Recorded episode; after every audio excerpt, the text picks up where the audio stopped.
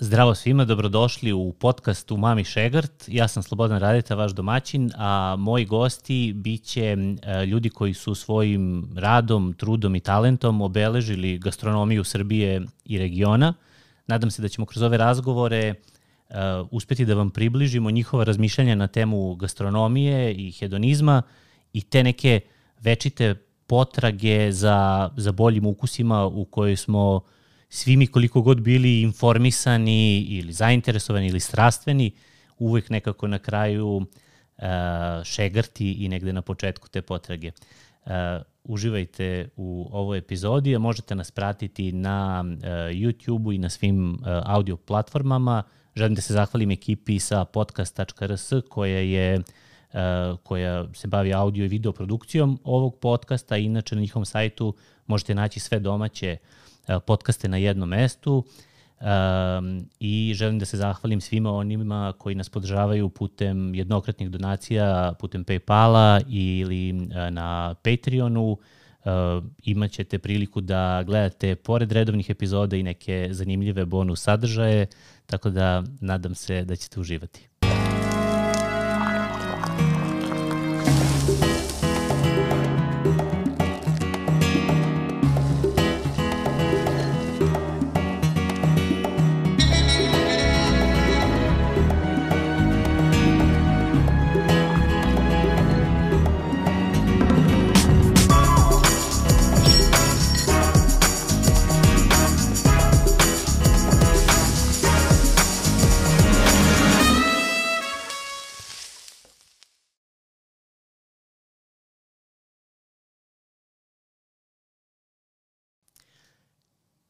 Mog današnjeg gosta izuzetno teško predstaviti u jednoj rečenici. Ja mogu sa, sa velikim zadovoljstvom da pre svega kažem uh, moj dobar prijatelj, a zatim i neko ko je vinski gastropublicista, uh, urednik i osnivač nekoliko vinskih gastromagazina, pre svega sada je tu Vino i Fino u stvari aktuelan, uh, neko ko je somelije, osnivač udruženja somelijera Vojvodine, predavač na obukama za profesionalne somilijere, domaći, internacionalni, vinski sudija, jedini srpski sudija na, na najvažnijem svetskom takmičenju uh, ocenjivanju vina, u stvari dekanteru. Uh, neko ko je jedan veliki zaljubljenik u gastronomiju, što se mene tiče onako jedna hodajuća gastroenciklopedija. Veliko mi je zadovoljstvo danas da, da si ovde i da si baš ti prvi gost u, u podcastu Mami Šegar. Dobrodošli, Igore. Hvala ti, Slobo, i hvala ti na ovako pretencioznoj najavi, ali mislim da je najvažnije od svega da smo dobri drugari prvo. To, to, to, da. to. Do, evo, hvala da, tebi. Da. Ovaj, pa sigurno sam zaboravio nekoliko stvari tu da, da, da pomenem. Ovaj, ja, ti si jedna od onih osoba jedna od dve osobe u stvari za koje se ja stalno žalim što nemam vremena dovoljno više da se družimo, a onda kad sam razmišljao o tome kako ću te najmo, onda sam shvatio u stvari zašto nemam vremena da se družimo i potpuno te razumemo. Sad, on, ranije bih, ovaj, ja bih da imam mnogo manje tih ovaj, aktivnosti i titula, da ne računamo sad porodične obaveze i tako četvoro divne dece. Ovaj, ja bih okay. mnogo ranije odustao od tebe, ovaj, da imam i manji deo obaveza, tako da više ne zameram ništa i drago mi je da si danas ovde. Uh, hteo sam da počnem, uh, tvoje nekako, uh, tvoja priča je nekako vezana uglavnom za vino i uvek je centrirana oko vina. Kad se pomene ime Igor Luković, nekako ljudi misle na sve ono što je vinsko u stvari.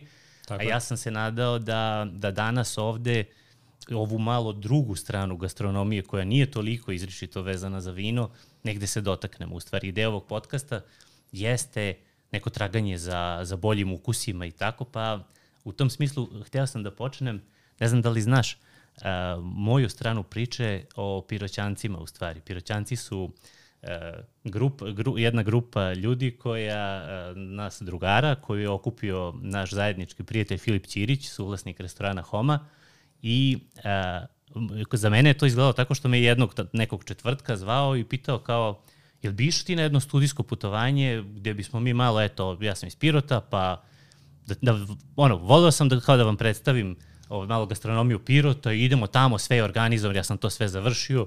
Ja mislim, pita me onako, kao, znaš, generalno, ja kažem, pa išao bi, kako ne bih išao, mislim, vrlo rado, javi samo kad to bude, pa da se organizujem za odmor par dana i tako. Jer kad se ide, kaže sutra ujutru u šest. A to je bilo uveče, mislim. I, ovaj, I nije hteo da prizna do, do prvih par dana, ja sam odmah pitao umesto koga sam upao, znaš, pošto sigurno nisam bio na prvom onom draftu ovaj, i upao sam umesto našeg druga Šaje.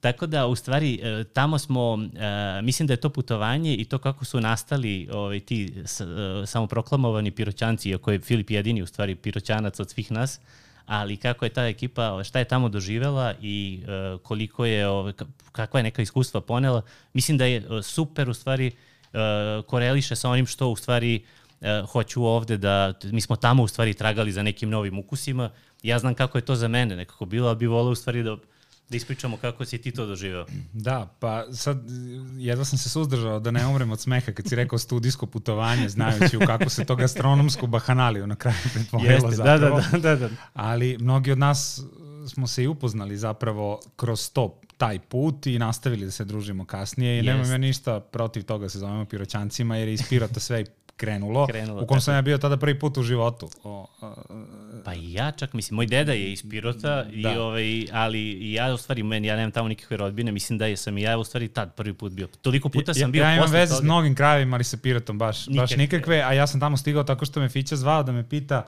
da li bih učestvovao u ocenjivanju pirotskih peglanih kobasica, jer oni imaju to svoje kao svetsko prvenstvo, takmičenje, kako god. Yes. Pirotsko i taj festival se održavao tamo tih dana Me zove sam bio malo iznenađen, jer da, ovaj, moj fah je vino, iako sam ja u vino stigao iz gastronomije, ne iz posla, nego iz mhm. čiste ljubavi i zanimanja za, za celu tu priču. Ovaj, I bilo mi je zanimljivo, kao, zašto ne, nisam nikad, ali ajde da vidimo šta, zanimalo me da naučim šta tu može da bude, šta to može da bude takvo, tako drugačije. U svakom slučaju bilo zanimljivo iskustvo, se ne upuštamo sad te, te, te pirotske i sve ostalo. I zapravo ono što je izašlo iz onoga što se dešavalo na obodima toga glavnog takmičenja je ono što je pravi kvalitet svega toga. Jeste, u stvari, ja sam, ja, sećam se da sam u stvari došao i glavni utisak a, sa tog putovanja bio je u stvari nekako sam se osjećao a, postiđen, zato što je, zato što sam tako u stvari pre toga tako bahato onako ovaj, razmišljao o Beogradu kao o centru, o gastronomskoj prestonici, ovaj, kakva svakako negde i jeste, ali tako nekako sam bahato od stvari odbacivo ideju m, doživljavao sam da to može bude na nivou incidenta, neka ozbiljna gastronomska neka o, uživanje, da može da bude negde van Beograda na nivou incidenta, kao ima dobra kafana tu ili ima tu pa se to i to jede. Međutim, Filip kad nas je odveo tamo, uh, ove, ono što se desilo u tih par dana, to je bilo potpuno, u stvari, ono, ne, ne, neverovatno, u stvari na svim nivoima. Sve što smo jeli, bilo je toliko ozbiljno uh, promišljeno, toliko sa takvim kvalitetom i, i strašću i nekom ozbiljnošću, recimo ugostiteljskom pre svega, recimo izneseno i to, da ovaj, volio vol bi da ispričamo tu neke, eto te... A, a, apsolutno, apsolutno, pa mene je tamo fascinirala ta autentičnost i ovo si dobro rekao, ta preciznost. Vratit ću se na to, samo za sekundu moram napraviti jednu digresiju, pošto ono, počeli smo svoje druženje sa Pirotskom peglanom, a evo danas snimamo ovaj podcast, kad sam ja otkazao ocenjivanje na kulenijadi u Erdeviku, gde su me takođe zvali prvi put da bih bio danas ovde, tako da... Mnogo, ovaj... mnogo ti hvala i opet bolji si čovek nego ja. nisam siguran, ne bi, jel? nisam siguran da ne bi pomerio ovim. Na, naš drugar Vuk Štefanović mi je poslao sad fotografiju tamo postavljeni ti kuleni, ti sremci Erdevičani, to stvarno rade kako treba, ovaj, ali naravno... Ovaj, Vidi, neka te, da... teši, neka te teši, sećaš se kako je prošlo ocjenjivanje pirotske peglane i da je jedan veliki broj onih tamo pirotskih peglanih, pošto to opet nekako jeste u začetku početku te njihove proizvodnje i brendiranje lokala, lokala da je dosta toga bilo onako prilično loše. Da, da, prilično loše. da ne koristimo se, eufemizme. Da, da, da, da, sećam se nekih tvojih opisa koji su bili strašni, uključivali su neke delove nekih životinja, tako da... Mo, moji fićini, da, ovaj, treba tu malo ovaj, raditi na tehnologiji, zato što je to zapravo sve kućna proizvodnja tamo, ali tih 5-6 koje smo bili, ovaj, koje su ušli u finale, to su stvarno bile bile dobre stvari i, i, da, i da. ukusne da. stvari, da, u svakom slučaju. Da se vratimo sad na, na, pirot, na pirot i na tu priču o autentičnosti i o tome.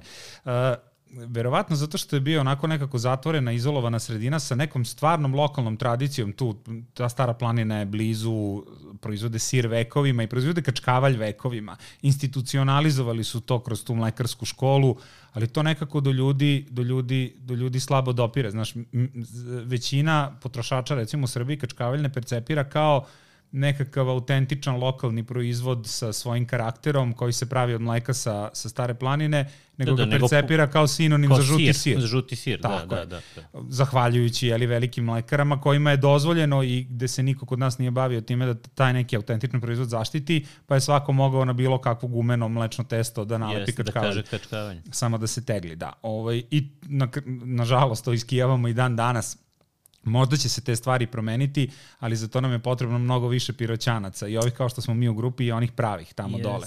Znaš, e, vezano za to, sad šta ljudi očekuju od pirota i šta, šta smo mi zapravo dobili tamo i šta ja dobijem svaki put sada kad odem. E, sve vremeno sam pisao neki tekst o ćevapima i zapravo podstaknut time što sam bio deprimiran time isto kao i sa kačkavanjem, šta se podrazumeva po, da. po ćevapima. Evo neki dan je tamo se nešto ovaj, svađaju u Crnoj Gori već duže vreme, sad je tema kraljičina plaža na Miločeru, Aha. pa je bila jedna od opaski kao evo u šta se pretvorilo, sad tamo prodaju ćevape za evro. I zapravo ćevap jeste postao to, brza ulična hrana s nogu koja može da bude apsolutno svakako Bilo kvaliteta. Šta, da, da. Međutim, ako pričamo to pravim, autentičnim balkanskim ćevapčićima, mislim da su neki od najboljih definitivno u Pirotu, Ovaj, inače za, mislim da ih za, nema. Za koji niko nikad nije čuo, čuo mislim kao pirotski je. ćevap, to nikad nije neko spojio te dve reči u istu Upravo sintagmu, tako, jest. upravo tako. Jer ti ljudi to tamo žive, njima to nije bitno, oni ne doživljavaju sebe kao brend, oni jedu ono što jedu vekovima, što su jeli njihovi matorci, yes. verovatno. I kako to rade? Ne znam, sećaš se onog momka iz Boema, mislim da se Deki mm -hmm. zove, ali tako? Dalibor. Dalibor, da. Dalibor, Znam Dalibor da je iz Boema, okay. da ovaj, kako oni rade te stvari? Pa rade te stvari na isti način. Znam da će ovo zvuči pretencijozno malo, ali ovaj, rade te stvari na isti način na koji uh, suši majstor uči da pravi suši. Šta razlikuje ono što ćeš da pojedeš na Tsukiji u Tokiju ili što ćeš da pojedeš kod Đira koja ima Michelinove zvezdice za taj svoj suši od onoga što ćeš da pojedeš u nekom fast foodu i tako dalje. Odnos je zapravo isti. Bio je taj čuveni film o Điru gde ovaj, njegov frustrirani sin učestvuje u filmu i sad, ne znam, sin radi sa Ćaletom 30 godina, još uvijek nije stigao do toga da su mu dozvolili da pravi suši. Da, da. Nego on nešto pere pirinač 5 godina, pa posle toga tuče hobotnicu 5 godina, dok stvari, pokrete ne dovede apsolutno do savršenstva. I nema razloga da ne posmatramo ćevapčiće na taj na, način. Na dakle, način. da bi on došao do toga što radi, naučio je to od svog matorog ili od keve ili od kako god i radi to kao što je Filip Ćirić počeo, i ja to izuzetno cenim kod njega, on je danas jedan od prepoznatljivijih srpskih šefova mm. i smatra se velikim šefom, ali malo ljudi zna da je on počeo da radi sa 13 godina za, za, za roštiljem, starom, je. za roštiljem, da. Yes. Ne zato što je hteo, istinu, zato što je morao, ali upravo u tom pirotu, da. Ali i to je to. Isto tako bila je neka emisija o onome čuvenom, onim ćevapima Banja Lučkin kod Muje Gde ti imaš porodicu gde su, ne znam, mama i sin i nemam pojma ko je tu još bio u toj emisiji i ti sad isto to, gledaš kako je klinac tu već 10 godina i još uvijek je postao glavni majstor. I šta radi, ne znam, mesi masu ili prevrće nešto, šta god. Ali to ali je tu, ključ tu, da, ne samo ponavljanje. do postizanja, do postizanja potpunog savršenstva. Rutina, ali uz, uz veliko poštovanje prema, prema u stvari, prema samoj prema namirnici, namirnici, prema procesu, prema, je. a to često ide iz porodične tradicije. A ti tu imaš još nešto. Ti imaš lokalnu publiku koja je naučila i, znaš, bez obzira da li je to u Tokiju ili je to u Pirotu, dakle, koja je naučila kako to treba da izgleda i šta on treba da traži od ukusa, od teksture, od načina na koji je servirana ta... To je za njih ćevap, to je za njih, ako pričamo o ćevapu ili to je za njih pola njihovog roštilja je u maramici, mislim, to je, to je onaj deo koji naš... Kažem, nadam se da neko neće shvatiti kao previše pretencijuznu i nategnutu analogiju, ali ja mislim da je to srž gastronomije. Odnos prema namirnici, odnos prema tehnici, savladavanje tehnike na nivou disanja, na nivou... To, to je bilo ono kao, ne znam, moja baba je pravila savršene pite i davala je recept tetkama, kevi i ostalo koje nikada nisu umele i dan danas ne umeju da ponove to isto. Zašto? To, uh, ja sam to definisao kao ona, zna, ona ne zna šta zna. Ona nešto zna i nešto ima u rukama, nešto ima u rutini, u odnosu prema tom testu, ume da ga proceni kakav recept i kakvi grami. Ona to nije umela. Ali je ona od detinstva, celog života radila samo to. Mislim, ona je došla iz malo onako ruralnijih krajeva sa planina gde je hrana bila vrlo jednostavna, ali i to jedno jednostavno što je bilo, tako je bilo savršeno. Ovaj, i to, to je zapravo ista ta priča. Yes. U Beogradu se otvorio, uh, otvorio lokal koji prodaje samo moći. I, Aha. i otvorila ga je Japanka, mm -hmm. Vaga Koro ili Vaka Goro, ne mogu da, da, da zapamtim ovaj, da li prvo K ili G. U svakom slučaju, probao sam taj moći neki dan i to, imao sam sreće, u više prilika sam ga slučajno probao više Aha. puta i on je apsolutno perfektan u smislu toga šta je moći. Međutim, kad odete tamo, Ne možeš da uđeš u prodavnicu, kupiš i izađeš napolje, nego će prvo te pitaju kada ćete da ga služite, sa čime ćete da ga služite. To vas pita prodavačica ili ta žena iz Japana koja ga pravi i onda kaže, hoćete da delite? Da, mi ćemo da vam isečemo. Znači, nemoj ti da ga sečeš kod kuće. I onda ovaj mora 60 minuta u frizu, ovaj 90 minuta. Izvadi, stavi ga ovako, stavi To je odnos prema namirnici to je i prema odnos prema namirnici, krajnji proizvod da bi on bio perfektan i dao ti sve ono što Šta? treba da što, što treba yes. da da. A da bi se stiglo do toga, to su vekovi, vekovi generacije iskustva koja rade istu stvar. Dakle, ponavljanje. E sad, konkretno u Pirotu, zašto u Zrenjaninu nema dobrog ćevapa? Zato što je gostima potpuno svejedno šta će da pojedu nemaju odnos prema tome, jer to nije lokalna tradicija. Mm -hmm. Mislim, ja sam iz Zrenjanina, zato pominjem Zrenjanin i stalno sam deprimiran time šta da. se tamo uopšte dešava u restoranima. Da, da, kritik, kritikuješ sa, da. ovaj, sa žaljenjem. Da, kritikujem sa žaljenjem i sa željom da to bude tamo da dobro. Bude ovaj, da, da, da, ali mislim, to je druga tema. U svakom slučaju, uh, a, a zašto je Pirutu dobar? Pa zato što ako probate da ga prodate lošeg, propašćete. Zato što će ovaj da se vrati kod komšije gost jest, i, da, jest. i da jede taj je, koji, je, koji je dobar i savršen. Tako je. To Meni to. je recimo bilo, uh, u nekom trenutku Filip je najavio da ćemo da idemo u pizzeriju Mama Rosa, tamo kod uh, Zoke i Sonje koje smo kasnije upoznali i zavoleli i nadam se i oni, i oni nas. Ove, ovaj, i, I rekao je sad tamo ćemo da jedemo kao picu, sad znaš kao idemo u Piro da jedemo picu, to je potpuno besmislica, znaš, ali kao ajde ono, kao go with the flow. I tamo ću jesti picu, pa kao sa pizza sa peglanom. I moja vizija toga je bila, uh, jao, kao, ka, koja, koji nivo nekreativnosti, kao, znaš, kao sad ćeš ti da jedeš tamo picu i sad on njihov krajnji kao uh, stepen kreativnosti i brendiranja toga je da su oni pobacali peglanu po pici. Da. Znaš, i bio sam potpuno, moje očekivanja su, nisu bila na nuli, nego su bila ono u minusu ovaj, debelom.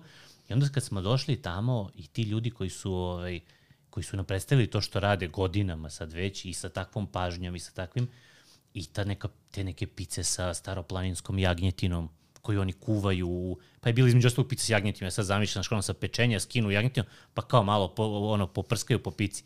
Čoveče, ono kad smo došli tamo, ona pizza sa onom jagnjetinom koja kuva nekih 6 sati u nekim cimetu i nekim začinima, Zoki to proučava, začinsko bilje, pa je onda to neki njegov kreativni input u stvari ovaj, na tome, pa onda na onom nekom, na nekom ono savršenom sosu, onom od patliđana, to je neka, ne znam da li im je to neka orijent ili ne mogu sad da setim kako, kako se koja zove. Tako je, patliđanom, da, ima pizza i druga sa jagnjetinom i staroplaninskom da, jagnjetinom, da, čini mi se.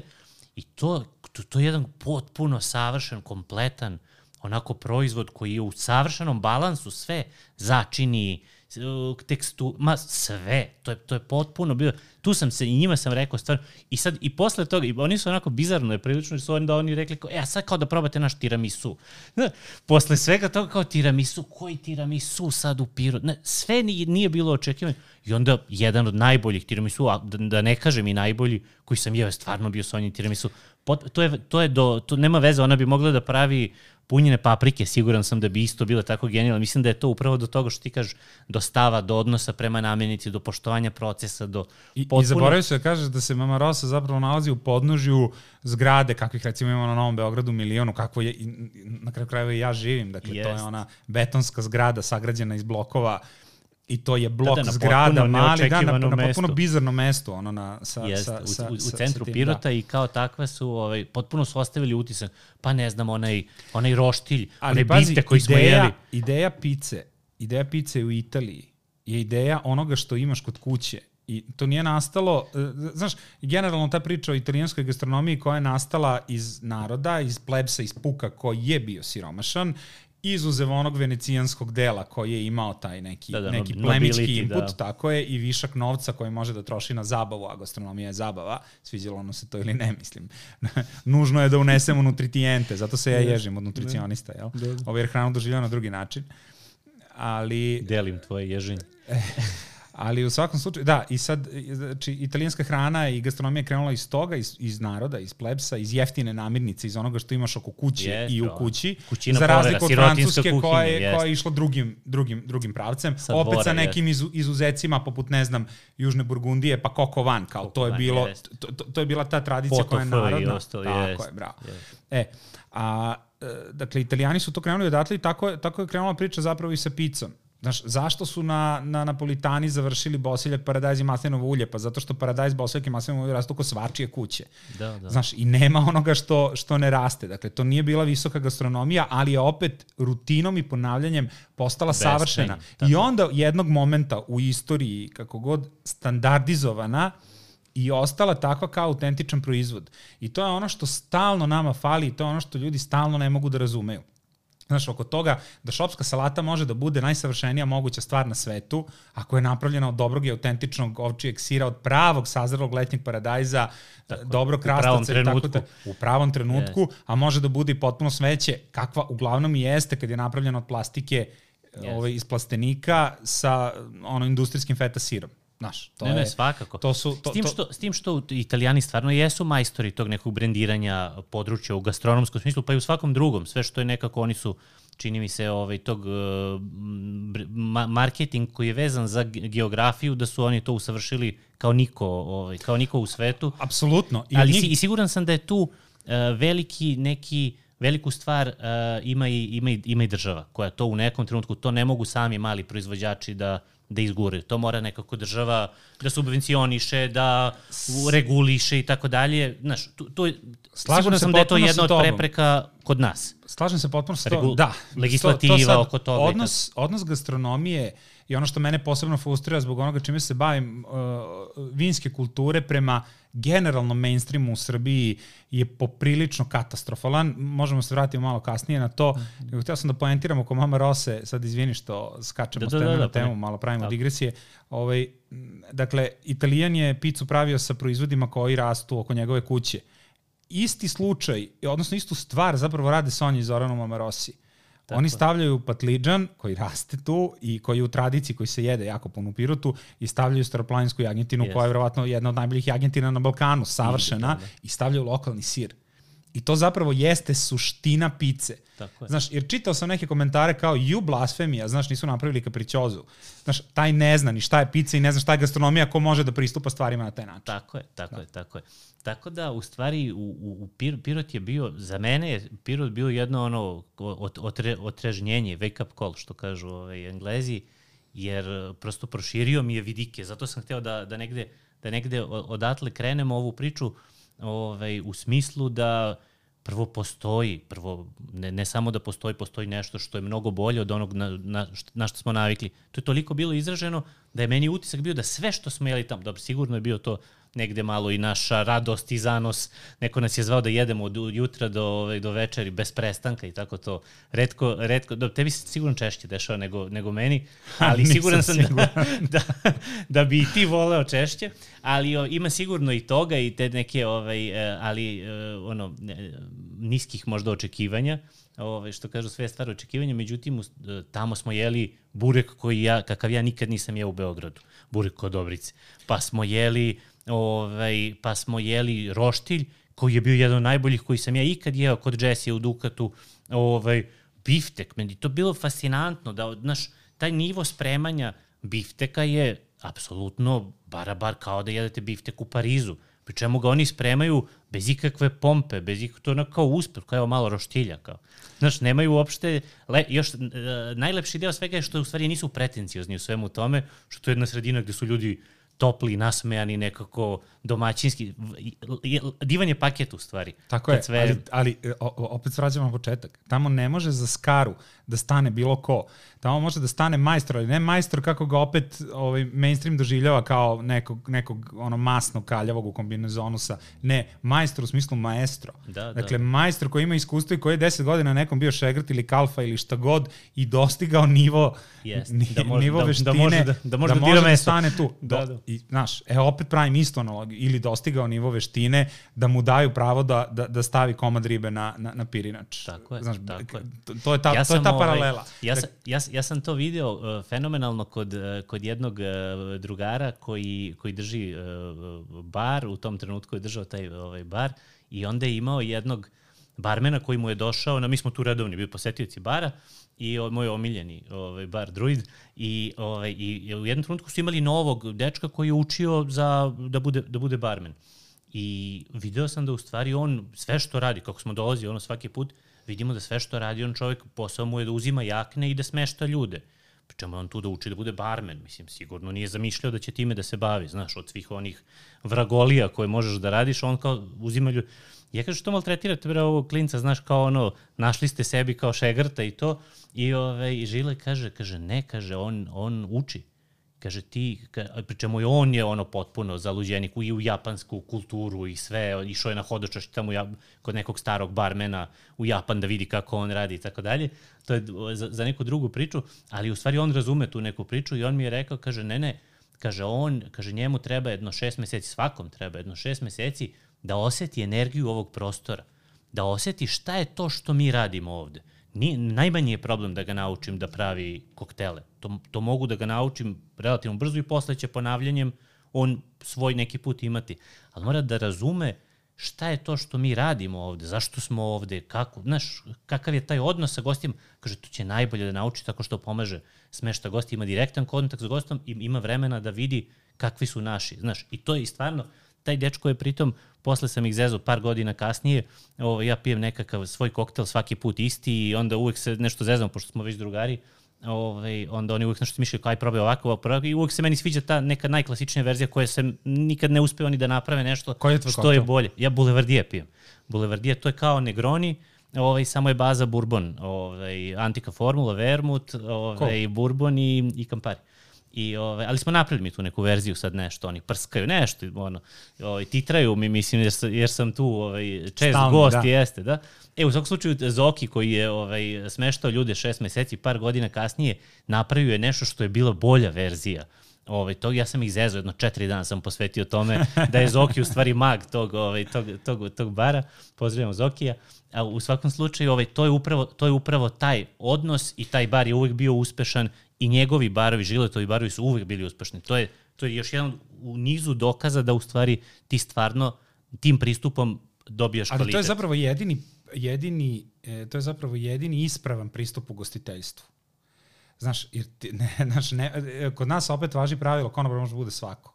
Da, da, da. Zapravo ne može. Može da bude transportni radnik koji nosi kafu od tačke A, od bara do, do tačke B i prima poručbene i tako dalje, ali to je transportni radnik, nosač, nazovi ga kako god hoćeš ugostitelj, hospitality manager, tako kako je, god hoćeš, i onaj koji ugošćava ljude, koji je psiholog i, i, i kreativac i zanatlija, i, i, zanatlija, i, i m, ako stane za tu skaru i to, ili za bar da okreće uh, da, da, da vrti onaj shaker, ovaj, on mora da bude majstor, odnosno u, u smislu, u smislu, ja sam to nau, maestro. Ja da. sam to naučio na teži način. Ovaj, moja, moja epizoda sa Želim da imam kafanu je ovaj, pro, pro, prošla prilično neslavno. Tad sam naučio to ovaj, na, na lično iskustvo, a bilo bi toliko bolje da sam naučio na tuđem, da sam bio od onih pametnih, ali u stvari to je upravo to. Ja sam zamišljao kao, znaš, budeš u gosti, kao baš fino, dođu ti drugari mislim, kret, a pritom sam kao u hrani. Nisam baš tako površno, ali malo dublje sam zagrebao kao površinu, pritom kao ja sam u hrani, to ono zanat.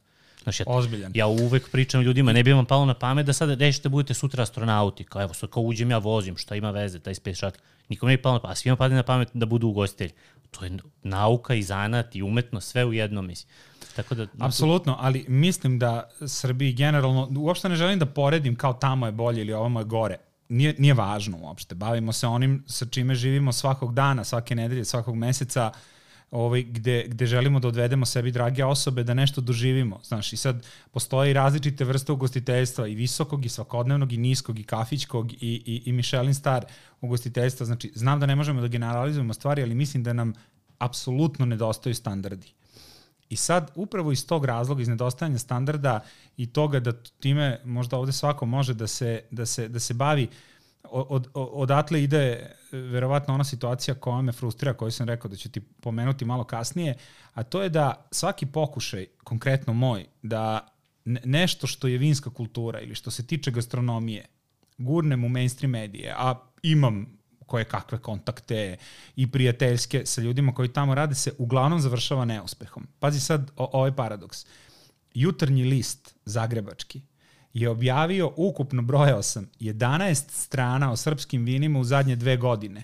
Koliko politika nije objavila, verovatno od kad postoji, takođe i danas. Da, da, da. Pominjemo ova dva medija jer su to dva medija koja se... Tradicionalno. Da, pisana, koja se drže noktima za standarde profesije. Ne želim da se bavim onim, da, da. onim ostalim. Jasno ti je. Ali ovaj, svaki pokušaj se završava fjaskom zato što se odmah javlja marketinška služba i kaže, e, znate, vi tu pominjete kao neka vina, neka takmičenja, neka...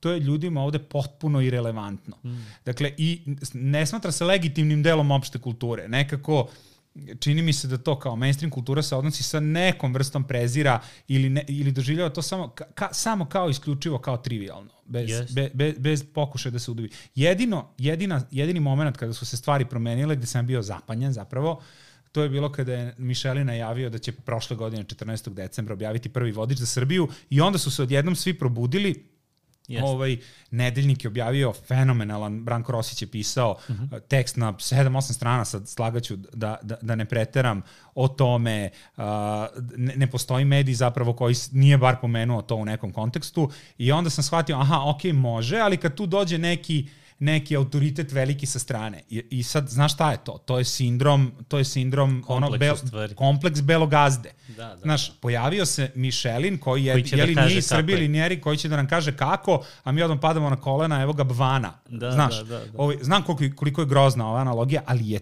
takva. I to, yes. to je, na, i, znaš, to, to sam shvatio u vinskom svetu. Ovaj, kad god se pojavi stranac koji to kao nešto piše i šta znam, automatski ljudi imaju pozitivnu predrasudu prema njemu. Šta će sad da se dešava, s obzirom da si ti sad postao predsednik uh, međunarodnog takmičenja balkanskih vina, da li ćeš sad ti biti taj ovaj, beli čovek sa strane koji će da, da bude autoritet sa strane ili će da te gledaju ovako sa, ovaj, kao domaćeg Igora Lukovića, to ostaje da se vidi narednih 10 godina. Da, pa kako ti kažem, ja ne, ne, ne mogu da i ne želim i nisam to do sada radio, crpim svoj autoritet iz funkcije, znaš, i trudim se, ali ljudi polako... Mo, možda bi bilo korisno u nekim ovim situacijama u stvari, vidi. Moguće, ali mislim da, da, je, u, da u krajnjem rezultatu može da bude jako kontraproduktivno, znaš, želim svoj autoritet da, da, da izgradim na onome što znam i što izgovaram, uh, na, na način na koji pristupam stvarima, procenjujem vina i rezultatima koje, koje postižem, a funkcija manje više, mislim, neće zaovek biti to, ta, taj nekakav Dobro, ali, dobar, ali da. ozbiljan je mandat, 10 godina, da. O, ozbiljan je mandat, pa da, 10 godina koja ja ne odložim drugačije. da, ne, Vidjet ćemo. Ti, ti, oni nisu znali da. u stvari da mi ovdje imamo ovaj, taj fazon sa produžavanjem mandata u stvari u našoj tradiciji i da, da, sad, da, da, da, da, da. da predsjednik može da produži mandat sebi da, da doživotno ja sam mislio ako ga ja ne skratim, ali dobro. A, znaš kako, e, vidi, sad da, da ne glumim tu nekakvu lažnu skromnost, mene je to jako iznenadilo kada sam pitan da li hoću da prihvatim takvu funkciju, Aha. pogotovo jer me je pitao čovek koji je do sada bio, bio od uh, 10 godina chairman Balkan International Wine Competitiona, Konstantinos Lazarakis, gde za njega ja mirne duše mogu da kažem da je to jedan od ljudi od kojih sam ja najviše naučio u svom poslu.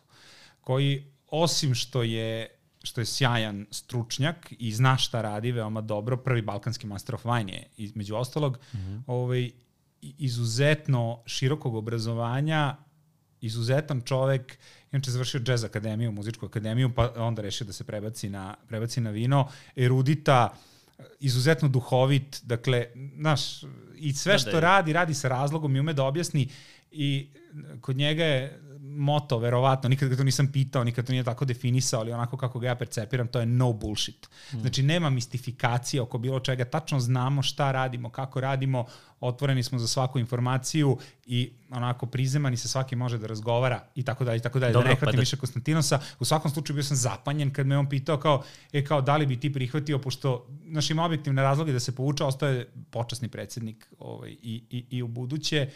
I nemam pojma, supruga je bila tu kad sam ja otvorio taj mail pored mene i toliko sam promenio lice da ona pritrčala, pita šta je. Ovaj, I onda sam pokazao taj mail, trebalo mi neko vreme da se saberem, da, da shvatim šta, šta se zapravo dogodilo. Naravno, prihvatio sam, tehnički, ja znam da to mogu da iznesem, međutim, to je užasno odgovorna stvar. Uh, Ovaj, ta, pozicija, ta pozicija nosi sa sobom taj posao kojim se, kojim se bavimo, način na koji ćeš ti poređati jedan panel sudije koje ćeš odabrati da staviš u taj panel, način na koji ćeš poređati flajtove može da utiče na konačni rezultat koji opet može nekog da demotiviše da se bavi svojim poslom ili da mu da mu da neki vetar u jedra, a da pošalje pogrešnu poruku i tako dalje. Dakle, odgovornost je užasna, mm -hmm. ne užasna, nego velika, izvinjavam se, odgovornost je velika i to je zapravo najteže, najteže u svemu ome, ta, ta, ta vrsta pritiska da ne pogrešiš u koracima i da zbog tvoje subjektivne greške ovaj, se ne desi ne, neka, ne, neka... Ne, neki problem. Ti da. kad, kad si opisao ovaj, tog gospodina koji je prethodni, ovaj, prethodni bio predsednik, ovaj, nekako, to je kako, nekako mi je potpuno jasno zašto je pitao tebe. Mislim, meni to tako sve kad ti ispričao, to meni tako strašno sve liči na tebe. Tako da ovaj, čovjek je sigurno našao pravog, pravog naslednika i... Ovaj, Mislim, i, hvala ti. Mi, si, sigurno, sigurno je miran. Sad, e, ovaj, da, vratit ćemo se tome i, i, i tvojoj vinskoj priči svakako. Teo sam da e, nešto što meni pada na pamet kad, kad, kad pomislim na tebe i nešto što mi je, ja jako volim, ti volim kako pišeš i negde imaš taj, ovaj, ti si književnost uh, završio i to je nekako važan, iz, bar iz moje perspektive, važan deo tvo, tvo, tvoje ličnosti i tvog stila i tako. I ovaj, volim da čitam to jedna od stvari, u stvari jeste bila ono pismo Antoniju Bourdainu, uh, koje, ko, na koje smo mnogi ono, pustili, pustili suzu u tom trenutku. Ovaj, bio emotivan trenutak zato što Antoni ovaj, u tom trenutku iznenada u stvari otišao, ali svakako to je nekako E, bilo ja sam svim mojima rekao, ovaj, on, on će da piše ovaj moj, ja uvijek imam to sa, sa, sa kao, ovaj, onaj govor ovaj, na, na, na groblju, to je kao Lukovićevo od, ovaj, od sad zaduženje, ovaj, zato što taj, taj, taj tekst je u stvari potpuno fenomenalan i ljudi ga mogu pročitati na, ovaj, postoji kao pismo Antonio Bordeinu na, na, na portalu Vino i Fino magazina, Uh, preporučujem da ga, da ga pročitate, divno je, divno je štivo i pismo i hteo sam u stvari uh, da, da vidim sa tobom uh, kako, šta je tebi u stvari, šta je tebi značio Anthony Bourdain i šta, je, šta misliš da je svetu značio? Pošto je on negde isto, on je nekako figura koja je upravo ovo radila što, što, što čemu se ja nadam da ćemo raditi ovde, a to je da uh, Pazi, za to... Za tragao to za da- ukusima, da, za, za boljim ukusima. Ali da, šta je ključ u svemu ovome? Ljudi su mu verovali zašto su mu verovali. On je bio kuvar, zapravo nije bio outsider, nije radio na malom mestu, nije, znaš, ali on je bio kuvar sa trake, sa mašine, iz posla, iz pravog, autentičnog iskustva. Da, da iz rovova, što kažeš. Iz rovova, koje je podrazumevalo pekotine, previše alkohola, neke druge nedozvoljene substance, malo spavanja, svađe, neku vrstu verbalnog nasilja, mm. kako postoje u svim pravim kuhinjama. Ovaj, to je izuzetno težak posao i treba ga ceniti I on je iz tog svog iskustva, a opet bivajući dovoljno pametan i dovoljno kreativan, počeo da piše kolumnu Kitchen Confidential, mm -hmm. ovaj, slagaću te u kojim novinama, možda je sramota što ne znam, ali ne, da li nije. New York Times bio ili nije, mislim da jeste. Mm -hmm. ovaj, iz toga je nastala ta njegova prva knjiga Kitchen Confidential. E sad, ja sam ga negde onako, šta su kod nas emitovale televizije, pa sam uspevao da, da, da ukačim, ispratim neku emisiju ovaj, na kratko, ali se nisam previše udubljivao. Dopadao mi se taj format, dopadalo mi se to što radi i onda mi je došla do ruke knjiga Kitchen Confidential. Mm -hmm.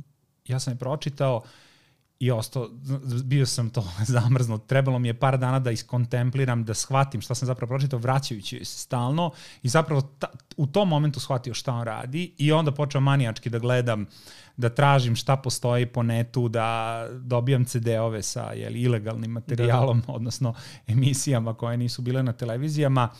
Ovaj, I šta mislim da je svetu, da je svetu značio? Pa sigurno ne ono što je nama nažalost, nažalost je to tako. Definitivno je on promenio, promenio stvari, ali ja ne mislim ni da Anthony Bourdain može da ima veće utice nego što ima bilo koja druga emisija koja se danas snima, snima, snima televizijska ili bilo koji drugi kulinarski show. Misliš? Da, zaista to mislim i nažalost je to tako, zato što živimo u nekoj, nekom drugom svetu i nekoj drugoj kulturi. Ti ja dolazimo iz nekih generacija koje su još uvek analogne, bar ja jesam, bar sebe doživljavam na taj način, a ov, druge digitalne e, generacije, pritom ne želim da zvučim kao dede, ne mislim da je to lošije da, da. po sebi. Naprosto iz toga će izra, da. izaći nešto dobro.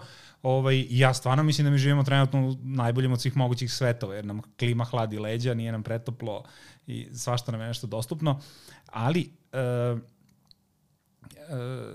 ne, kažem ti, ne mislim da, da će na te generacije Bourdain da utiče na taj način da će sada da promeni percepciju gastronomije, doživlja i tako dalje. Možda kod mene i kod tebe ili kod određenog kruga ljudi koji su fah idioti. Za određenu, pa za određenu ih, nišu, misliš. Tako je. Dobro, pa ali pa ih, dobro, sad pa on je sad, pa to, sa tom, da, pa sa, to zanima, da. sa tom preranom smrti je nekako to sad odjeknulo, čini mi se da je, ja sam imao utisak da je, sve, ono, da je svet plakao, mislim, kad se to desilo. Da, nekako... ali zato što je bio zvezda, kao što bi pak da. plakao i za pevačem. U stvari, možda moja procena nije dobra. Ja sad sve vreme dok razgovaram, razmišljam i vidim tvoj izraz lica i kapiram da se ne slažeš sa mnom, jer da, kao ono, da li je John Lennon promenio svet muzike? Jeste. Promenio pa, svet? Da, da, da, da, da, da. U tom smislu... Ja ga neko, da. ja nisam, ja nisam bio tako fan a, a, kao ti. Da, ali ja mislim ove... da ga možda mi previše volimo i previše razumemo Ovaj, zato što nam je blizak. Tako je, zato što nam je sve to da. blisko da. i želimo da on, da on ima mnogo da. veći utjecaj. Na mene konkretno jeste. Ja sam u Vijetnam otputovao zbog njega, pre svega. Kad se pojavila ono karta za Vijetnam, ja sam, bez toga da mi je supruga to znala, kupio karte za Aha. nas dvoje. Bravo, ja sam... rekao, ba... idemo u Vijetnam. Da, da, da. Ovaj, e sad, vidiš šta me, gde, gde sam ja kliknuo definitivno sa Bourdainom, jer to, to je zapravo bilo to i to su neke stvari koje su meni važne, koje nisam umeo da artikulišem i definišem dok nisam pre toga pročitao jednu drugu knjigu. Ta knjiga i molim te pročitaj, ako, na, ako je nađeš, ako je ne nađeš, čim naleti na Pupindu, evo, obećam da ću ti je pokloniti. Aha. Tip se zove Michel Onfray i ozbiljen je filozof.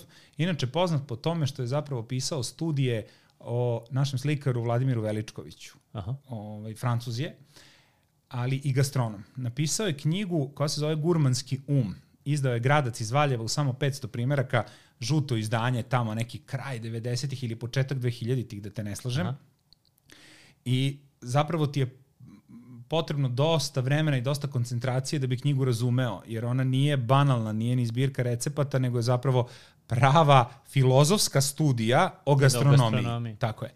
Na samom početku knjige on daje predložak oko toga promišljajući šta sve čovek jeste i št, u svom habitatu, šta je sve čovekovo ja i nalazeći tu i nekog homo gastronomikusa, ajde da to tako nazovemo, ovaj, odnosno čoveka koji je svestan svoje čulnosti i onoga šta ukus i miris mogu da mu daju u smislu iskustva, informacije i kako on to može da interpretira i uklopi u, u, u svoje opšte iskustvo.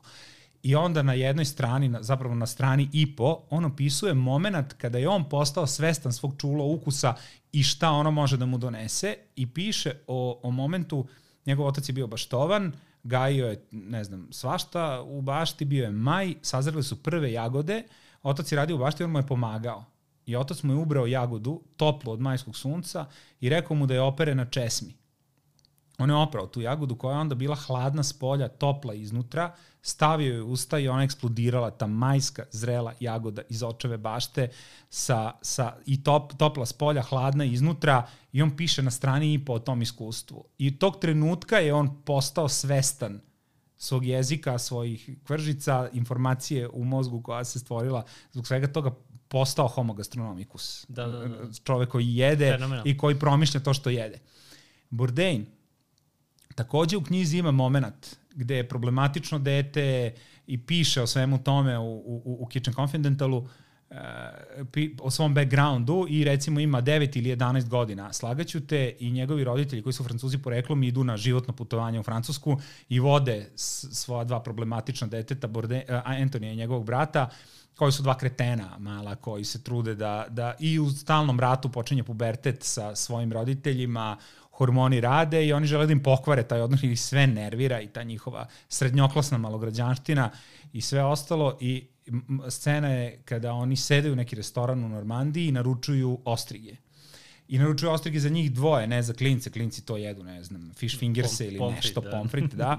ovaj, I on uzima ostrigu ovaj, i trpa je usta sa razlogom E, e, on želi da mu bude odvratno, jer vidi da izgleda odvratno, pošto se da, da, izgleda kao slina. Da ispuni očekivanje. Tako da ispuni očekivanje i hoće da je pljune i hoće da napravi scenu zapravo, hoće da im pokvari tu večeru koja je trebala da bude kruna tog putovanja. I on vrlo iskreno piše o tom motivu, on uzima tu ostrigu, stavlja je usta i dešava se nešto potpuno suprotno. Počinju da mu sviraju fanfare u glavi, jer je nešto potpuno novo, jer je iskustveno novo, jer je on tog momenta postao ono što je postao Michel Onfray, svestan svog čula ukusa, kada je ovaj zagrizao tu jabuku, uh, jagodu, izvini. Jagodu. I ovaj, to iskustvo, jer ja sam tu prepoznao ono što je, što sam prepoznao i kad sam čitao Onfreja pre toga i što sam i sam iskusio u životu.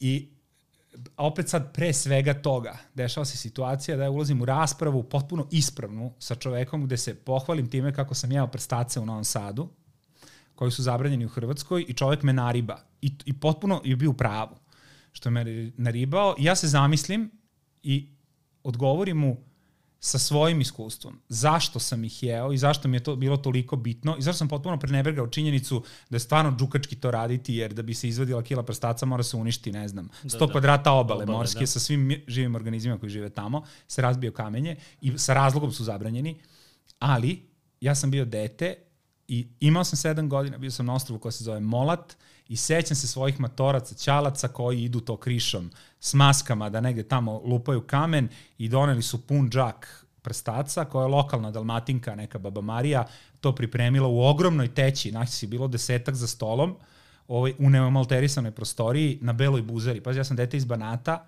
koje dolazi tamo i sad ima ispred sebe nešto što izgleda kao ništa drugo sa čime sam se iskusio u životu. Šta sam ja, bečke šnicle, slaninicu i sve ono što je u Banatu da. dobro ovaj, ja se sećam ukusa i meni se ta slika urezala imam utisak sada da, da je to bio ono zamrznuti frame. Jer ja se sećam lica, sećam se mirisa, sećam se prostorije, znam te Siporex blokove od koje je bila napravljena ta, ta, ta prostorija, jer naprosto to je bio trenutak da sam ja postao svestan nečega potpuno drugog, čega do tada nisam bio svestan. Moment prosvetljenja gastronomskog. Da, da. I to sam prepoznao kod Onfrea, to sam prepoznao kod Bordejna i odatle ta moja ljubav prema njemu.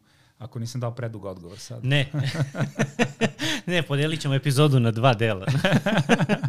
ovaj odgovor, šalim se. Da. Ovaj, da, pa fenomenalno, moram da pročitam on Freja. Iz toga sam ovaj, da. crpeo opravdanje za to što za, sam ispod žukaci i jeo te prstace. Neću da, da, neću da pitam koliko puta si jer sam, kasnije posle toga jer sam još da testirao da, da vratiš to da sećanje iz detinstva. Svesno nijednom svesno ni jednom, zaista, ovaj, dešavalo mi se da odem, da pa sad kao, e, mi ćemo sad mama, pa kad ga stavi već mrtvog na tanjir, šta da mu da, da, da, gotovo, da, da, ispred tebe, da, ali, da ali ne naručujem i ne, na ono, ne, ne mislim da je to ispravno, zaista ne mislim da je ispravno. Da. Ovaj, e, a pomenuo si Vijetnam i ovaj, putovanje tamo i ja u stvari kad, kad sam razmišljao o tom tvom Vijetnamu, nismo u stvari stigli, seć, ja se sećam da kad smo se čuli u nekom trenutku, kad si se vratio iz Vijetnama, ti si bio potpuno razgaljen, onako i to iskustvo, ovaj, tamo pri, pričao si mi šta ste, šta ste sve nekako doživjeli, ali nisam, nismo gastro, taj gastro deo u stvari nekako čini mi se ni, nismo pokrili i volio bih u stvari da, da, da, da mi, i tu je negde, tu mi je opet negde Brodein pao na pamet sa onom svojom pričom,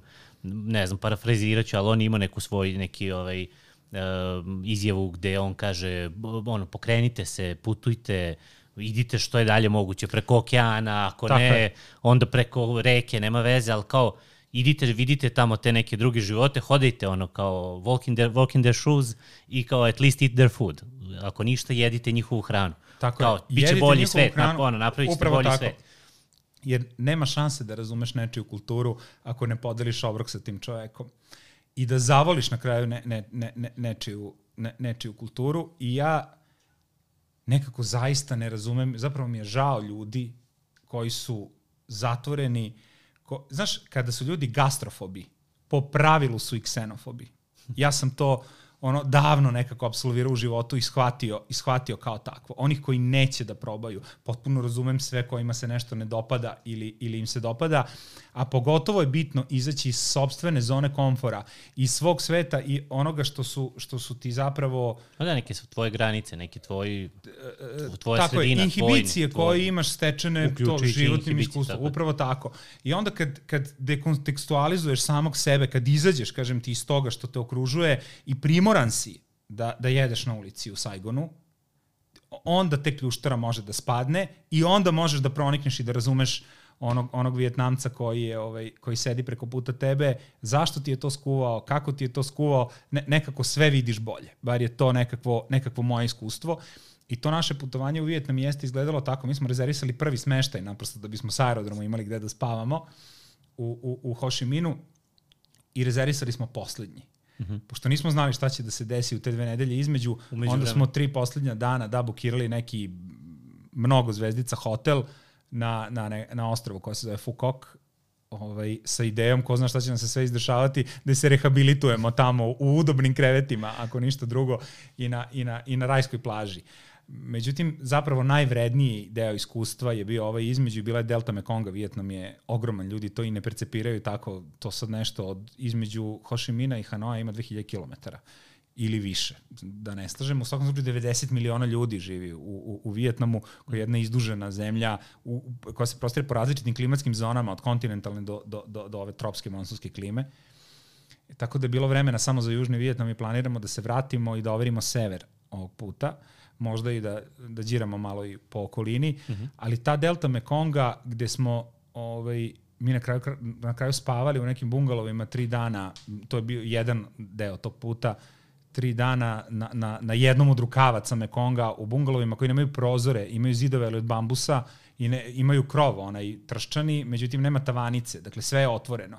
Imaš mrežu za komarce da te, da te životinje da te ne bi spasi, jele. Da, da. Ove, ovaj, tako je, i bube, kojih inače nema previše, više ih ima pored tise u Banatu. I ja sam navikla da sam Ti si otišao kao iskusan. Tako je, da, da, ali stvar, stvarno ih nije bilo previše. Do mere da ne moraš da se mažeš mm -hmm, uveče. Eto, mm -hmm. Sleti jedan u pola sata, ti ga ubiješ i to prođe. Uh, A, I to da smo e, insistirali na tome, naprosto uzeli bismo ranac, stavili ga na leđa, iznajmili bicikle ponekad ili išli pešice ili iznajmili lokalca sa motorom da nas odvede do tačke, neke, B ili A, i to je to, skineš GPS mapu, da vidiš gde je tačka na koju treba da se vratiš, I ovaj, zalazili smo u sela gde su deca trčala za nama, gde su ljudi tražili da se fotografišu da, da, sa Anom. belog čoveka. Tako je, koja ima kovađovu plavu kosu, umirali od smeha kad mene vide od dva metra i stoji da, da, kusur ti, kila, da, da, ka, džin. Ka, ka, hoda kao džin da, među njima. Bukvalno. Možda zamisliš kako izgleda to kad ja sedem na motor iza Vjetnamca. Ovaj, motor glisira, znaš, podigne se prednji točak od prilike, ali to je zapravo najkomforniji da, da, i način, najjeftiniji način, način, način prevoza tamo. I radili smo upravo to. Jeli smo tamo gde jedu oni, uh, delili obroke sa njima, iako ti kad uđeš u vijetnamsko selo, naravno ne zna ni reč engleskog, i sve što možeš da uradiš je da pokažeš prstom i da pitaš da, da, da pokažeš rukama da znaš da želiš da kupiš, da, da. Tako je, da znaš da želiš da kupiš i to su bila jedna od najboljih iskustava i nikad u životu bolje nisam jeo ovaj, odnosno iskusio toliko aroma, ukusa, tekstura, sveže hrane iz vanrednih jela ovaj, kao što je tamo. I napravio sam jednu grešku kad sam bio u Vijetnamu i posle toga mi je bilo užasno žao što sam to uradio, ovaj, jer zapravo u Vijetnamu sam probao i najbizarniji zalogaj u životu, ali okačio sam to na, na mreže, okačio sam to na Facebook video snimak. Postoji nešto što se zove coconut worm, odnosno kokosov crv, uh mhm. -huh. ovaj, koji je ogroman, kao moj palac, a ima veliku šaku i ovaj, koji se jede ne samo u Aziji, nego jedu ga i u drugim delovima sveta, ali uglavnom pečenog. Međutim, u Vijetnamu ga jedu živog ponekad, potope ga u, u, u ovaj fish sauce zaljućeni i ovaj postoji tehnika Raz, razljute ga. kako da ga razljute kako da ga, da. da ga pregrizeš ovaj, da ga progutaš i zaliješ pivom. Ja sam okačio taj snimak kad smo se vratili iz Vijetnama, svi su me pitali samo to. Zašto sam se pokajao? Ne zato što ja, ja se stvarno ne stidim onoga što radim, jer jesam radoznao do te mere da ću probati i crva i nije bio odvratan, kako izgledalo da, da jeste, ali ljudi su me pitali samo to. I nisu im bile bitne ni bambuhoe, ni bundriju, ni, ni sva ta divna jela koja smo jeli tamo, ta gomila sveže ribe od koje smo se razvaljivali za beskrajno malo novca. malo novca tipa da ne znam ja, morska večera, ali pazi, morska večera, tipa mi sad sedimo i jedemo i tražimo iznova i iznova sve što nam se dopada. Pa je tu i mala tuna, jedna lignja, tu su školjke, ove školjke, one ostrige ovakve, jedan mali jastok, zašto ne? Aha, vidi ove shrimps, to nismo probali. Daj sad ponovo školjke u lignje, bilo dobro da je da vratimo lignju i pritom popijemo, ne znam ja, 15 piva, vino je grozno, ne pije se u Vjetnamu. Da, da. Ovaj, pivo hidrira i hladi, stvarno je dobro. Ovaj, I dakle, potrošimo gomilu toga i dođe nam račun na kraju 15 dolara, što je 1500 dinara za dvoje. Da, da, Znaš, i prosto ti je žao što ne možeš više, zato što kao, šta ćemo sad sledeće godine, da odemo u Dalmaciju i da samo kad budemo seli, to će koštati 15 Jest, dolara, da, da, znaš, da, da. pa i da, da, pogotovo iz naših krajeva, mislim, pogotovo iz Srbije kad dolazi. D tako je, upravo ta tako. Želja, ta želja za morskim plodovima besko, u beskonačnom nizu, da. Ali poenta je to, znači tamo ima nenormalno dobre ulične hrane pre svega, jer Vjetnamci jedu na ulici i ta njihova osobena, specifična zapravo ovaj, e, gastronomska kultura je, je genijalna i to je ono što je Bourdain prepoznao i toliko vole u svemu tome i negde tim njegovim tragom smo mi krenuli iz tog, iz tog konteksta. Ovaj, međutim, kažem ti, kad sam se vratio, svi su me pitali samo oko toga kakav je bio ukus tog crva i onda je sve ostalo palo u senku i shvatio se da to zapravo više ne treba da radim, jer to šokira ljude, to je svima zanimljivo. Taj video ima neko gomilo, neke hiljade i hiljade pregleda. Jeste, nekako, da, onako populistički u stvari. Da. populistički, da. A zapravo, mislim, nisam ja otišao tamo sa misijom da edukujem ljude ali drago mi je ako jesam, bar neke, u, u, u nekom smislu, ali, znaš, i onda kad te ljudi pitaju zašto si to uradio, pa onda ja posle kontra pitaju zašto ljudi skaču padobranom. Znaš, da, da bi, da, da bi, Svak, da, samo svako u svojoj u, u svojoj upravo ovaj, to. Ono, da ajde da vidimo dokle, zanimanju, dokle možemo, svoj. znaš i da li ćemo da preživimo, ajde, ajde da nas pukne adrenalin da, da. na kraju na, na, na kraju krajeva izazivanje ovaj, granica, i, izazivanje granica. I zapravo shvatiš da to verovatno kao i kad skočiš padobranom ništa nije da nema granice. Ni, ništa nije toli, toliko to, toliko strašno. Ali taj Vijetnam nas je da promenio i to nam je do sada bilo jedno od putovanja života. Ovaj na početku sam se pozvao na, na, na Japan, to je recimo možda drugo gastronomsko putovanje na listi na kom sam bio, međutim, nažalost prekratko, bio sam samo sedam dana i samo u Tokiju, da bih iskusio dovoljno, mada sam besomučno se trudio da probam što da, da. više, a imao sam sreće da su domaćini bili fenomenalni, pa je to bilo stvarno, opet od uličnog rame na, na, na, na, na, na Shinkansen stanici do Kobe bifa u Michelin star restoranu, tako da ovaj, bilo... Dobro, Japan je, da, da. Da, da onako, Japan je fascinantan i ta, tamo eto, planiram takođe da se vratim u dobrom društvu. Da, da to vidit ćemo, pitat ćemo Fiću danas, da nas organizuje. On se da sad pokaza kao najbolji, kao najbolji organizator. Ove, hteo sam da, da u stvari na kraju ostavim uh, taj deo koji bi možda bio najlogičniji na početku, ovaj, predstavljajući te da vidim kako, kako si u stvari došao do toga, do svega toga ne, što, što, što danas radiš i da e, zanima me strašno e, taj, ta priča oko, e, oko tog suđenja na, na dekanteru.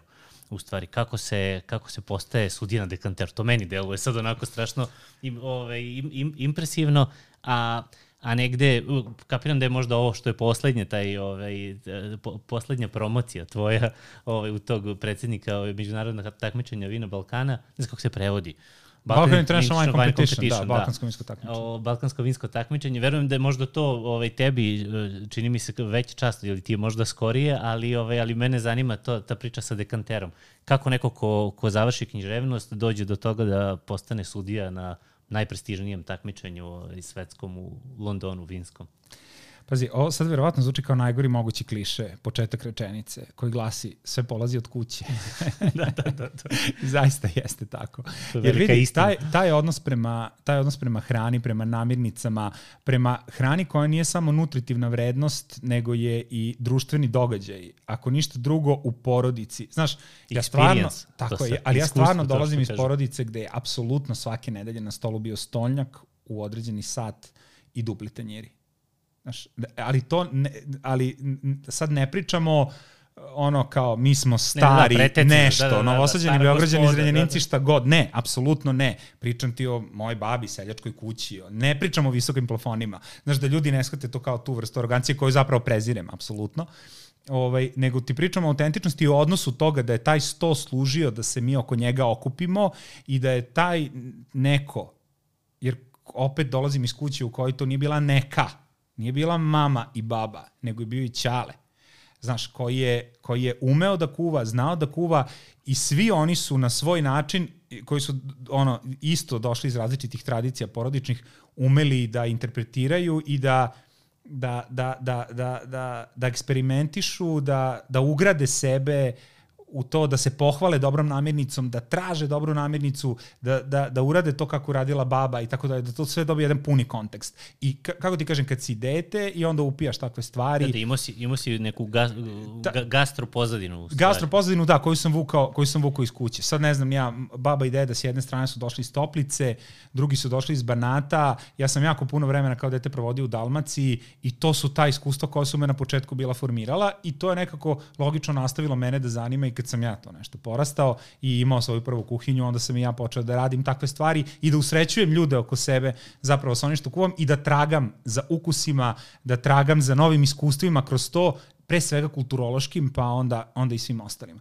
I nekako uz sve to, u tom momentu kada ja sazrevam, imam 25 i kusur godina i imam svoj novac i mogu sebi to da priuštim i da odlučim kako ću da ga trošim, uz tu hranu počinje da me zanima i vino, koje nekako ide uz to I pošto sam radio kao novinar i opet se nešto petljao i oko nekih gastronomskih časopisa još onda, koji su bili onako mm. prilično za današnje uslove i percepciju smešni, ali ovaj, mi smo ih radili srcem kao klinci. A, jednog momenta sam shvatio da tad sam živeo u Novom Sadu, da u Novom Sadu nema vinoteke, prave vinoteke. I kao, hm, možda je to dobar, dobar, dobar posao jer trebaju od nečeg živeti, jel? Ove, ovaj, I otvorio sam vinoteku u Novom Sadu, šta znam, 2004. godine, radila je nekih šest godina, propala i to kako je propala još i dobro, kakav sam ja ekonomista i matematičar. Grozan, Dakle, mene zanimaju zapravo druge stvari. ja sam bio strasno zaljubljen u ta vina Vino. i ta priča me uvukla, uvukla u sve to, jer je zapravo i vino proizvod koje kada, i to opet zvuči kao floskula, koje zaista priča o podneblju sa kog dolazi, o iskustvu tih ljudi koji ga prave, o godinama sa milion nijansi i opet kulturoloških impakta u taj, u taj poslednji proizvod i način na koji ga mi percepiramo, služimo, serviramo, način na koji ga komuniciramo i usrećujemo ljude koji otvore tu bocu ili sa kojima podelimo tu bocu. I to me je nekako kupilo u, u, u celoj toj priči radeći sa vinima, onda sam završio te prve škole koje su mogle da se završe somelijerske, jer je to bio jedini način da naučim nešto, nešto o vinu sistematizovano. Ovaj, tada okupila se grupa, grupa istomišljenika i 2010. kada je taj posao pukao, onda smo počeli da razmišljamo o tome da napravimo mediji i tad je nastao prvi magazin, pa iza njega i, i, i ekstenzija njegova drugi, odnosno vino današnje Vino i Fino, da, koji smo, sa, kojim, sa kojim smo počeli i tu su onda počele i te prve degustacije i prve ozbiljnije internacionalne degustacije jer postaneš vidljiv. Ovaj, nekako gde sam ja učio, ali i dobijao ovaj, dobar feedback od ljudi i imao sreće na početku zapravo da se vrlo brzo nađem u društvu ljudi kakvih su Konstantinos Lazarakis, kakva je Julia Harding, kakva je Caroline Gilby, dakle, ljudi sa iskustvom, autoriteti sa ovaj, manjkom arogancije, a viškom znanja, koji, ko, koji su hteli tako da, da, da, da nesebično da podele sa, sa drugima pa između ostalog i, i sa mnom u isto vreme paralelno sam, završio sam i one WACT i te, te škole, jer mi je bilo bitno da, da, da mhm. saznam što više i sam ovaj, nešto čitao, radio, pisao i to su eto neki ljudi prepoznali i jednog dana je došlo do toga da me pozovu da, da sudim na dekanteru. Ti si pre toga u stvari sudio ovde, vina od, kao ocjenjivač ovde vina, je li tako? I internacionalni sudio, sudio si? Ovde, sudio sam internacionalno, uglavnom u regiji, malo u mhm. Italiji, uh -huh. na, nekim, na nekim takmičenjima, u Mađarskoj, sudio na Balkan International Wine Competitionu, ovaj, da, da, da bio, nekako... bio zapravo pre, pre dekantera, vidiš u Londonu na International Uh, to je ovaj I, IWC ili IVC, uh -huh. kako ga zovu. International Wine Competition starije od dekanterovog ocenjivanja, ali ne toliko Nije popularno, popularno ni globalno, a pogotovo u Srbiji malo, malo srpskih vinarija šalje vina tamo.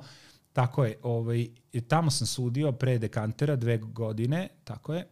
Dve godine, to je bilo iskustvo, isto tako Bukurešt, Budimpešta, bilo su to još neka ta međunarodna, međunarodna ocenjivanja. Sad ovako iz glave ne mogu više ni da ih pobrojim ne mogu ni da se setim ni Mundu Svini, recimo, to je takođe vrlo važno takmičenje na kome volim da učestvujem volim da sudim, da li ono bilo pre ili posle dekantera, uh mhm. -huh. mislim godinu pre, da su me tamo pozvali, ali iz tih kontakata, ovaj, pošto je dekanter formirao svoj, svoje panele za South East Europe i za Balkan. I onda se oni trude da pored autoriteta internacionalnih koji imaju pozovu i lokalne stručnjake mm -hmm. koji poznaju scenu, poznaju sorte, poznaju stilove vina, da bi da li, smisla, da li da. pravi kontekst, naravno da ima, da, to je, što se toga tiče, dekanter je definitivno najbolje organizovano ocenjivanje vina na svetu, iz mog iskustva. Možda postoje neko bolje na kom nisam bio i za koje ne znam, ali postoji razlog zašto je i najpopularnije i najuticajnije. Zašto on, poruka koju oni pošalju je najrelevantnija moguća. Ovaj, I onda su me pozvali i pregovarali sa mnom. Zapravo ne pregovarali, nego tražili od mene gomilu informacija, mišljenja, spiskove ljudi na koje se pozivam, koji bi oni mogli da provere koji su radili sa mnom tokom godina ili sa kojima sam ja radio ili se mhm, sretao, mm -hmm. koji bi mogli da daju neki feedback o tome ko sam ja, šta sam ja, kakve znači, su mi prilično je strog bio. Da, i to, to, to je prepiska koja je trajala jedno dva meseca sa nekih 5-6 mailova razmenjenih i onda su prestali da se javljaju. To je sad recimo, završili smo komunikaciju u oktobru i onda novembar, decembar, januar, kraj januara, ja sam bio ok, šta sad, nisam prošao, nisam prošao, eto, super da, su, da me se neko da nekad da, da. setio i odjednom stiže mail, dođite tada i tada, takmičenje je tada, sa svim propozicijama, uslovima i tako dalje. Da li je to nešto što, što je sad kao, jednom kao postaneš sudija dekantera, pa si uvijek sudija ili te oni sad zovu ono, od godine do godine? Kako to funkcioniš? Ne, ne prolaziš ponovo trijažu bilo Aha, kakvu. Svakako, da. da, da, tamo si kao sudija i na sajtu smo svi kao sudije mm -hmm. sa svojim profilima na dekanterovom sajtu i zovu na svake godine po defaultu. Ne znam zaista odgovor na pitanje, niko mi nije rekao da će na to ponovo, ali svake godine stiže med. Sad ove dve godine korone nismo bili tamo, Aha, tako je. zato što su bile samo sudije iz Velike Britanije, jer drugi nisu mogli da doputuju. Da. Čak i ove godine Britanija ima neku suludu zelenu listu na kojoj je 12 zemalja, od kojih su sve njihove bivše kolonije. To je zadnja, kad su popustili mere 17. maja, Aha. je tako. Pre toga nije mogao niko a svi ostali da bi došli sad moraju nešto, tri testa da urade koje koštaju 500 funti i 10 dana karantina. Da, da, nešto besmisleno. Da, da, nešto. Prilično limitirajuće. Da, tako da, da su organizatori dekantera odlučili da to opet budu samo UK sudije. Ovaj, nadam se da će sledeće godine to biti tako, jer ovaj, recimo London je mesto koje mi nedostaje, koje, gde se uvek radujem mimo takmičenja, mimo svega onoga što ću raditi sa poslom. Uh, gde užasno volim da provedem vreme. Jer, Londonskoj sceni, da. Tako je, zato što London je jedan od gradova koji nudi gomilu iskustva i u kome ne možeš da imaš predrasude, zato što iz svakog yes. dela najzabitijeg sveta koji ti padne na pamet možeš da pronađeš iskustvo i gastronomsko. I to je na kraju krajeva ono što radim, što znam da bi ti radio. Tako, kako ne. Da. I e, znaš šta sam teo u stvari još Um, šta misliš o tome, sad kad reče London, pa sam pomislio na gomilu tih nekih etničkih restorana koji u stvari tamo cvetaju, mislim, negde su postali njihova ono, baza njihove gastronomije britanske, kao kari, nacionalno jelo i tako. Tako je. Ovaj, e, što, mi ovde imamo prilično uh, oskudno neko iskustvo i godinama već, uh, da ne kažem jako loše, ali prilično loše prolaze etnički restorani koji se otvaraju u, u Beogradu. Kapiram da Beograd je nekako je najveća, ovaj, najveća metropola, pa ima, pa ima mesta ovaj, možda najviše za neki njihov potencijalni procvat, ali prilično loše ovaj, prolazi. Meni, meni strašno nedostaje, fali taj deo da ima, ima sad tu, sva, ima je to vijetnamski, pa ima sad svašta nešto, ali često oni imaju nekakav prilično kratak vek trajanja. Tu jedino onaj ovaj, ne znam kako se sad trenutno zove, onaj indijski, onaj Maharaja se zvao u nekom trenutku. Oni, Divali ili tako nekako? Ne, oni što su na, na Dušanovcu. Ovaj, Znam tačno tamo. na kojoj E da, oni, oni godina, oni su menjali ime, ali je ista ekipa i oni godinama opstaju nekako tako nešto. Živi, živi taj restoran iz moje perspektive je prilično dobar, mada indijska kuhinja nije, da kažem, nešto s čim imam previše iskustva, ali su prilično dobri, ali sem njih ja ne znam nešto, neko sad da trajimo kao neki ono 15 godina neku. Što misliš da je ove, da... Pa sad si rekao ključnu stvar, 15 godina. Ajde seti se ovaj, u čemu je Srbija živjela pre 20. da, da, misliš da prosto Znaš, nije... Upravo, da, mislim da, je, da je to evolutivni zapravo, stepenik na kome smo trenutno. Tako je, a mislim da se to čak da. i dovoljno brzo razvija i na kraju krajeva ja nekako kad pogledam, sad korona nas je definitivno ponemetila, gomila restorana se zatvorila, nema konobara u gradu, nema ništa, ovaj, mada recimo korona nam je dala jedno novo mesto, etnički restoran koji je sjajan, ne znam da li si, da li si bio tamo, sad ću ti reći, Aha. sad ću ti otkrijem taj, yes. tebi i ostalima. Ovaj, ali gomila, gomila njih se bila zatvorila, recimo, bio onaj jedan tip sa latinoameričkom brzom hranom uh, ispod cara Dušana u Jevrejskoj Zato sam čuo, nisam stigao da... gore, da, sad pokušam se setiti kako se zvao restoran, ne mogu se koji je radio to stvarno kako treba, stvarno dobro, bio sam par puta, ali Aha. nije preživeo, nije preživeo koronu. A šta hoću da ti kažem, da čini mi se da ima, da ima u odnosu na ono što Beograd može da podnese dovoljno, dovoljno takvih mesta, Možda bi moglo da ih bude više, ali i gastronomska kultura i svest moraju da budu na višem nivou. A da bi se to dogodilo, gastronomija mora da uđe u mainstream. I tu se vraćamo na ono... Na onu na, priču. Na ono, na da, ja imam, ja imam to, koju sam taj, pomenuo. taj deo sa etničkim restoranima negde kao neku svoju ovaj, ličnu muku i želju, kao volao bi nekako da, da toga, a druga stvar koja me još mnogo više muči, zato što to mnogo više ovaj, odgovara mom nepcu i mojim željama, su u stvari taj format bistroa koji, koji meni toliko fali u Beogradu. Ja sam bio potpuno fasciniran u Budimpešti ovaj, da su njihovi restorani, gomila ih je koncipirana kao nekakvi mali, fini bistroj na nekoj lestvici od malo nekih onako da kažem, nisko budžetnih do nekih malo, ono, upscale malo da. jeste, ali čitav nekakav spektar, ali čini mi se kao da im je 80-90% restorana koncipirano u nekom formatu koji liči na klasičan onaj francuski bistro, znači neka kvalitetna klopa, dobro spremljena, sa nekim normalnim veličinama porcija, neki dobar odnos prema hrani, dobar odnos cene i kvaliteta, nešto što može da se jede i brže i da bude manje ili više. I oni su recimo potpuno genijalno uh, pre, prepleli svoju uh, neku gastro tradiciju sa tom tradicijom francuskog francuskom. Oni imaju nekih dodirnih tačaka kao što su pačetina, džigerice, Jasne, ne znam da. i to, ali svi ti restorani su imali i pači batak konfitirani i ne znam neki foie gras ovakav ili onakav, ali su imali i razne neke mađarske gulaše, što jeste nešto što bi tipično bilo i logično za taj bistro format. I meni to, ovaj, toliko mi fali u stvari u Beogradu, nikad mi nije bilo jasno zašto svi nisu bistroj. To je najlogičnije, to je najpopulističkije bi trebalo da bude. Potpuno se slažem sa tobom. Ne znam zašto je to tako. Možda je ta tradicija kafane kod nas bila previše jaka, pa da, su svi da li je kafana sklizali. naš bistro u stvari? Ali upravo to, zašto ne bi, da. zašto ne bi, zašto ne bi bio? Znaš, ajde da, evo recimo, ja sam sad vrlo rado odveo svoje goste. Smemo da pričamo? Smemo. Kako što smemo da. pričamo što hoćemo. Ovaj, reklamiramo koga mi hoćemo, Tako jel? Je. odveo sam ljude kod Ekija Ćevapa i kako ti kažem, to nije nešto što ti i ja verovatno možemo da jedemo svaki dan, u stvari možemo, zato što smo takvi kakvi smo, ali bi, hoću da kažem, brzo bi dosadilo. Što možemo, jedemo. Ali kada, kada to neko proba sa strane, on to verovatno doživi kao ti autentičnu mađarsku gušću džigiricu, jer to nema priliku da jede svaki dan, pogotovo ne pripremljeno na takav način. I tu nema visoke gastronomije, tu nema pretencioznosti kod njega, to je poštena domaća hrana, ali najpoštenija moguća. Da, I, mi samo u stvari nemamo tu konekciju u stvari sa tim francuskim formatom bistro. Moguće, ali inače što se tiče gušće i džigirice, ono što si sad rekao, znaš, foie gras kako ga mi percepiramo jeste iz francuske tradicije, ali gušće i džigirice od kljukane guske nije samo francuska tradicija, nego se to konkretno da, da. po Austro-Ugrskoj koristilo oko ho i sad opet iz te tradicije. Moja prababa, pokojna Emilija Bogdanov, Avramov, kako Aha. god, devojačko, ovaj, imala kljukalicu za guske i kljukala guske. I sad kako, ona nije pravila parfe od da, toga. Tako, tako, da, tako da. se postaje sudija dekantera. I tako nije, što ti je baba kljukala nije, guske. Nije to sotirala, ali ja znam šta je gušće džigirica kao dete i to da, je da, bila... Da, postoji tradicija toga. To je ta bila zimska, rano zimska, rano zimski specialitet, novembarski pre svega, guščetina kao takva i gušće džigirica koja se ta kljukana ovaj, posebno spremala. Pritom oni nisu kljukali gusku zbog džigirice, samo da budemo načisto, nego mm -hmm. su mhm. kljukali gusku zbog da masti. Da bude guska debela, da. Tako je, upravo zato. Ali je nus produkt bio i, ovaj, i, i, i, I džigiric koji su koristili svakako. Da, da.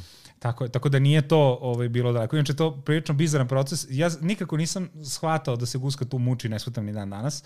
Ovaj, Ovaj, I bar je ovo, čutala. Ovo, je, ovo je goruća tema. Ali da, da, goruća tema, zato to namjerno i kažem. da, Mislim, da. ja sam to gledao, ovaj, te, ta guska nije pokazala tendenciju da pobegne, niti je bežala kad je trebalo da bude kljuka, nego dolazila sama. Ovaj, dakle, ovaj, tako da baba je stisne ovaj, među, među kolena ovaj, glavu, izvije vrat gore, stavio kljukalicu u usta i ubacio zrno kukuruza. To tako izgleda. Da, da, da. da. Znači, Vidiš, ovo, ovo, ovo je potpuno novo za mene. Da guska, znači nije bežala. To ne. To je, ne. to je ključno. Ništa, nastavljamo onda po starom. Taman sam mislio da odustajemo od, od da, da gušće da džigerice, da, ali sad si mi, hvala ti što si mi promenio plan. Ovaj, izbegavam naravno da ovaj, padam u vatru i da se ostrašćeno mm. raspravljam sa bilo kime. Zapravo potpuno mogu da razumem da su ljudi različiti, imamo etičke različite ovaj, predstavke, odnosno ra, na različit načinima da shvatamo, shvatamo stvari. Ovaj, ono što ne mislim da etički ne radim, na primjer ne jedem prstacije i ne naručujem ih u restoranu, ovaj, ali imam odgovor na svako mm, pitanje. Da, da.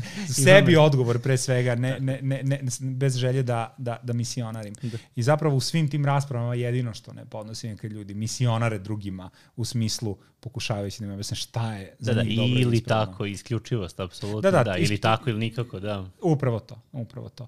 to. Ovaj, tako da. Uh, hvala ti što, što si bio današnji gost. Ja sam ovaj, nekako imao ideju da ćemo još neke teme pokriti, ali ovaj, to, to svakako moramo ostaviti ovaj, ona, ona tvoja, ovaj, onaj uvod i sve to što, što ti radiš i tako, ovaj, mogli bismo se time, čini mi se, ovaj, danima nekako baviti. Uh, drago mi je što smo, što smo porazgovarali. Hvala ti što si bio ovdje, hvala ti što si propustio ocenjivanje kulena. Ovaj, to znam koliko je, ovaj, koliko je velika stvar i apsolutno ovaj, poštojem. Tako da nadam se da ćemo imati priliku da opet, da opet časkamo na, na razne neke gastro teme ne, prvom nekom priliku. Nadam se ja, hvala ti, hvala ti što si me pozvao, znam zašto nisam otišao na ocenjivanje kulena. Ovaj, mislim da je super, da je super ovo što radiš i nadam se da će format, nadam se da će format da uspe i stvarno su bila, stvarno bio inspirativan razgovor. Nisam ništa manje ni očekivao od tebe, da budemo iskreni. Hvala, hvala ti puno.